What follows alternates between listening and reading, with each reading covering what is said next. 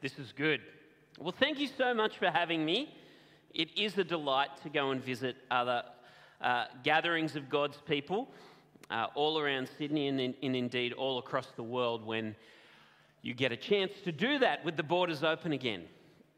Uh, the book of Revelation. It's a bit weird, isn't it?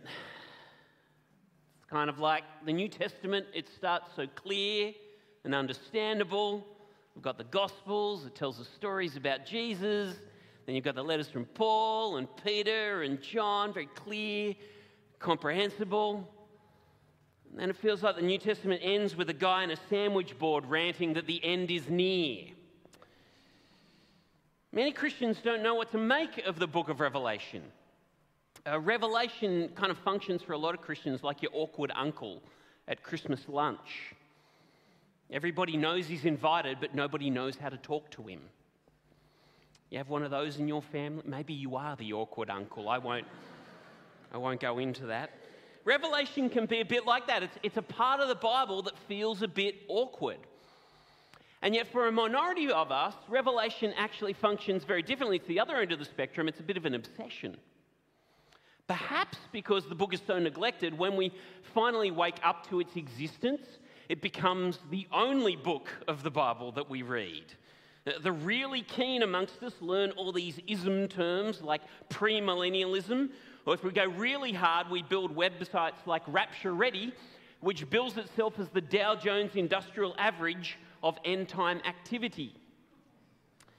Now, neither of those responses is very helpful. Uh, we shouldn't ignore Revelation. And we shouldn't obsess about Revelation. Instead, we just need to read Revelation as part of God's word to us, like we do with every other biblical book. To which you might reply, but that's just not possible, Mark. Uh, how can I treat this book as if it's like every other biblical book? I don't normally do devotions where there's a woman who is drinking the blood of the saints. Nor do I regularly preach on passages where we have locusts with women's hair and scorpion tails. It makes craft at children's church very difficult for that week. But I'm serious. We need to treat Revelation like every other biblical book in this sense. Like every other biblical book, God gave us the book of Revelation to help grow disciples. See, it doesn't matter whether it's Genesis, Luke, Isaiah, Romans, every book of the Bible is there to help you ultimately put your trust in Jesus and to follow him. And on that score, Revelation is actually no different. If you know anything about the book of Revelation, you probably know that it speaks a lot about the future. Uh, where is everything going to end up? Uh, what will last? What will pass away? But I want to ask the question why does God give his church pictures of the future? So that we would live well in the present. See, if you know what the future looks like, if you know that the future looks like this, you'll live differently now. That's why God shows you a picture of the future. God isn't giving you a roadmap so that you can play end times bingo with your friends. Because even when Revelation talks about the future, its real focus is always the present. Always. When you read Revelation, the intended result is that you would ignite your love for Jesus and it would shape you to be more like him. Revelation is about discipleship. Now, this amazing book was, was first given to seven churches in the province of Roman Asia. And when I use the word Asia with regards to the book of Revelation, I'm talking about the area that we would describe as Turkey today, the west coast of Turkey. Revelation is actually a letter to these seven churches, a, a circular letter to Ephesus, Smyrna, Pergamum, Thyatira, Sardis, Philadelphia, and Laodicea. These were real places with real churches, and you can go and visit most of them today because most of them have left behind the ruins of these ancient cities. And the best way to see how this book shapes our discipleship is to see how this message would have spoken to them as disciples. Because when Revelation was first written, it was written in the shadow of the Roman Empire. Now, I realize we aren't all ancient historians here. It's okay, I'll pray for you. It is the greatest subject. But ancient Rome was a force to be reckoned with. There's just two things you need to focus on for today with regards to ancient Rome. Rome was unbelievably powerful, and Rome was next level arrogant. Rome was powerful in this sense, it had wealth that could build opulent cities. And they had a military that could crush rebellions. Uh, Rome brought prosperity and terror. Uh, you got nice roads, and you also got crucifixions. And that enormous power, it went to Rome's head. And it expressed itself in people worshipping the emperor and worshipping Rome. That's the temple of Hadrian that you can see in Ephesus. Now, this might be hard to fathom, but for real, they worshipped an imperial city and the Roman emperor. Now, you might say, You've got to be kidding me, but they did. Dotted throughout the cities of Asia are temples to Rome and her emperor, temples which had statues of the emperor as an idol. And it was expected that if you were a good citizen, you would worship Rome as part of your normal civic duty. It was as normal as singing the national anthem. And if you didn't pay honor to Rome, it made you look like an outsider, a deviant. But if you're a Christian in Ephesus or Smyrna or Pergamum or any of these cities, you know there's only one God. When Jesus was tempted by Satan in the desert, he replied to him in the words of Deuteronomy Worship the Lord your God and serve him only. And so the discipleship challenge for those early Christians was how do you worship God alone when everything around you is competing for your worship? It's the same challenge today. The details look different. Most of us aren't expected to perform rituals to a statue in a temple. But you still live in a world where you are tempted and expected to center your life on things other than God. Because that's what worship is. Worship isn't only about songs and prayers on a Sunday, it's just as much about what's most important to you on a Monday. What's that thing that gives you significance? What is it that makes you feel secure? What could you not live without? If I were to look at your whole life, not just what you do for an hour on a Sunday, but your whole life, who or what do you love? What do you trust? What do you obey? That's how I'll work out what you worship. What do you trust, love, and obey. For those first Christians, the challenge was tangible. They were tempted and threatened to trust and obey someone other than God. Allegiance to Rome is where your security lies. Just organize your life so that Rome is at the center. You can still fit God in, but He's not the big rock of your life. The central question that underlies Revelation is not how does the world end? Central question is this who is worthy of my worship? When it comes to those dividing line moments in my life, when priorities clash and allegiance to God conflicts with my job, my wealth, my comfort, my fame, what really has my heart? And on that topic, Revelation chapter 4 is so important because in the first three chapters of the book of Revelation, Jesus has been speaking directly to his church on earth. It's what's sometimes called the seven letters to the churches in Revelation. So much important material in there. But in chapter 4, we shift gears. And John is taken up to the heavenly throne room. And this is what it says After this, I looked, and there before me was a door standing open in heaven. And the voice I had first heard speaking to me like a trumpet said, Come up here, and I will show you what must take place after this. At once I was in the Spirit, and there before me was a throne in heaven with someone sitting on it. Why is John shown a vision of heaven? For one simple reason he needs to see the whole of life from a different perspective. We need to see life from heaven's perspective. Because in John's everyday world, the surface looks like Rome and the emperor are running the show. From the perspective of earth, it seems like wealth and weapons are what make you secure. It just looks like life works out better if you surrender your integrity and live for the moment. That's what it looks like on the surface on earth. And John needs to see things from heaven's point of view. We need to see things from heaven's point of view. That's why John is taken up to heaven, because heaven pictures the way things are meant to be.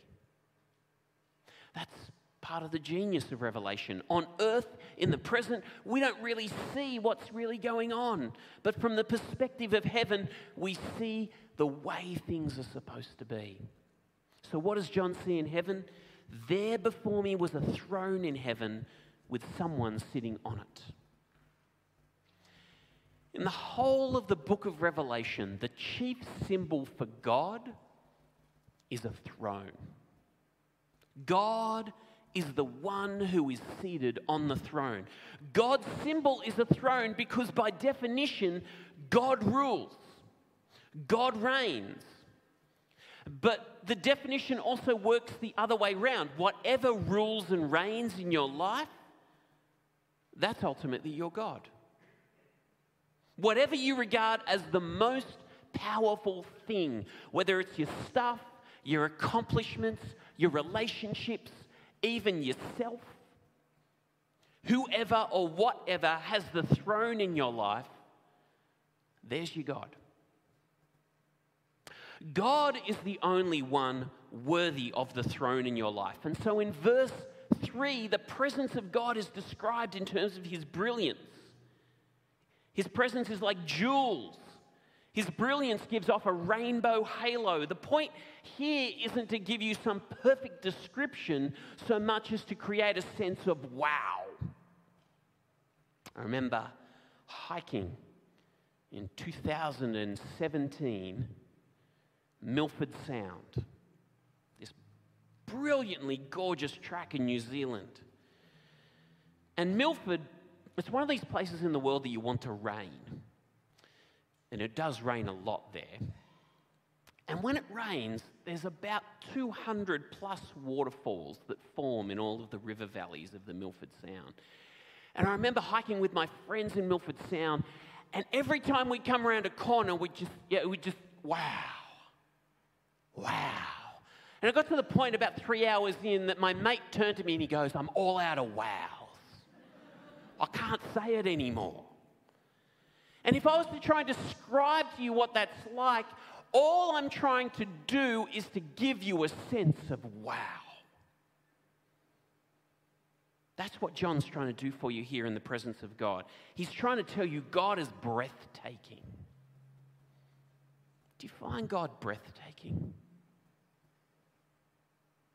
Perhaps what is even more impressive is the audience who surrounds the, the throne. Verse 4 Surrounding the throne were 24 other thrones, and seated on them were 24 elders. They were dressed in white and had crowns of gold on their heads. And then a little later, from verse 6 onwards, in the center around the throne were four living creatures, and they were covered with eyes in front and back. The first living creature was like a lion, the second was like an ox The third had a face like a man. The fourth was like a flying eagle. Each of the four living creatures had six wings and was covered with eyes all around, even under its wings. Who are these people, or what are these creatures? We aren't entirely sure. You're kidding me, Mark. You studied this book for a PhD, you don't even know how to identify the people in it. True story. I think the best suggestions are that the elders represent the people of God across both testaments 12 plus 12. And that the living creatures are a symbol of all of creation. But what is most important about both of these groups is that all of them are centered on the throne. Because that's the way life's meant to be. No matter what you are in creation, you find your purpose and joy when you are centered upon the throne of God. So you can spend hours in Revelation commentaries. I own more than 10. You can spend hours in the books trying to identify who these elders and creatures are, but the main point is not to work out who they are. The main point is to join them in worship of the Creator. And fittingly, the God centeredness of these creatures expresses itself in song. There are two songs in this short passage. The first is in verse 8, the song of the living creatures, and it begins with three words that, that we still sing in songs today Holy, holy, holy is the Lord God Almighty. Now, holy is one of those words that everybody uses, but when you ask them to define it, we all kind of blank a little. Like, what does it mean that someone is holy? What does it mean that God is holy? Well, in the scriptures, the word holy is primarily a summary term that signifies everything about God that sets him apart from us. We are in awe, we adore because he is holy. That's what the living creatures are saying. No one else is worthy of your worship. And a similar thought is repeated in the latest song of the elders in verse 11, where it says, You are worthy, our Lord and God, to receive glory and honor and power, for you created all things, and by your will they were created and have their being. Your heart was never designed to worship created things, it was made to worship the Creator. The reason that idols fail us is that ultimately they can't carry the weight of our devotion. They don't have the power to give us what we need. See, money, money can't buy you an identity. Success can't give you life popularity and influence is powerless in the face of death. There is only one who is worthy. And many of our idols are things which are meant for our good, but they're not meant for our worship.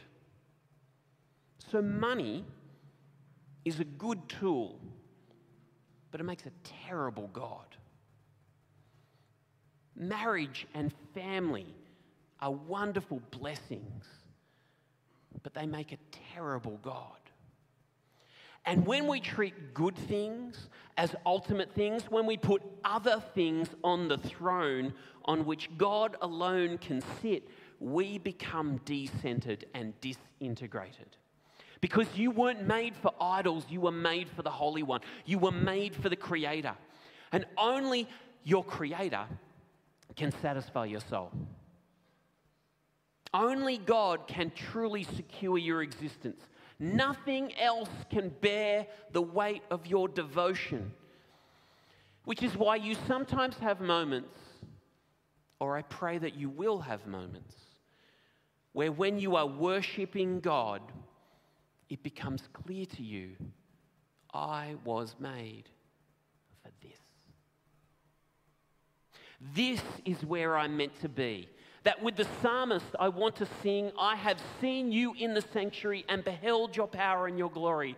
Because your love is better than life, my lips will glorify you. I will praise you as long as I live, and in your name I will lift up my hands. I will be fully satisfied as with the richest of foods. With singing lips, my mouth will praise you. Because your love is better than life. My lips will glorify you. They are such sweet moments, but my prayer for myself and for you is that they would be something more than momentary. One final thought. Did you notice the action the 24 elders perform in the presence of God? It says just before they sing, in verse 10, it says they lay their crowns down. There's this anecdote that's been floating around the internet in the last 48 hours about Queen Elizabeth, where it says she asked the question or said the statement, How I wish the Lord would come in my lifetime. Why? asked the chaplain. I should so love to lay my crown at his feet. It's most likely that Queen Elizabeth didn't say this, even though she was a woman of deep Christian faith. If anybody said it, it was probably Queen Victoria, but it doesn't really matter whether Queen Victoria or Queen Elizabeth said it, because actually what's expressed there is true of every single human being, because according to the scriptures, every single human being is royalty, made in the image of God, crowned with glory and honor, according to the psalmist. Every person is royalty.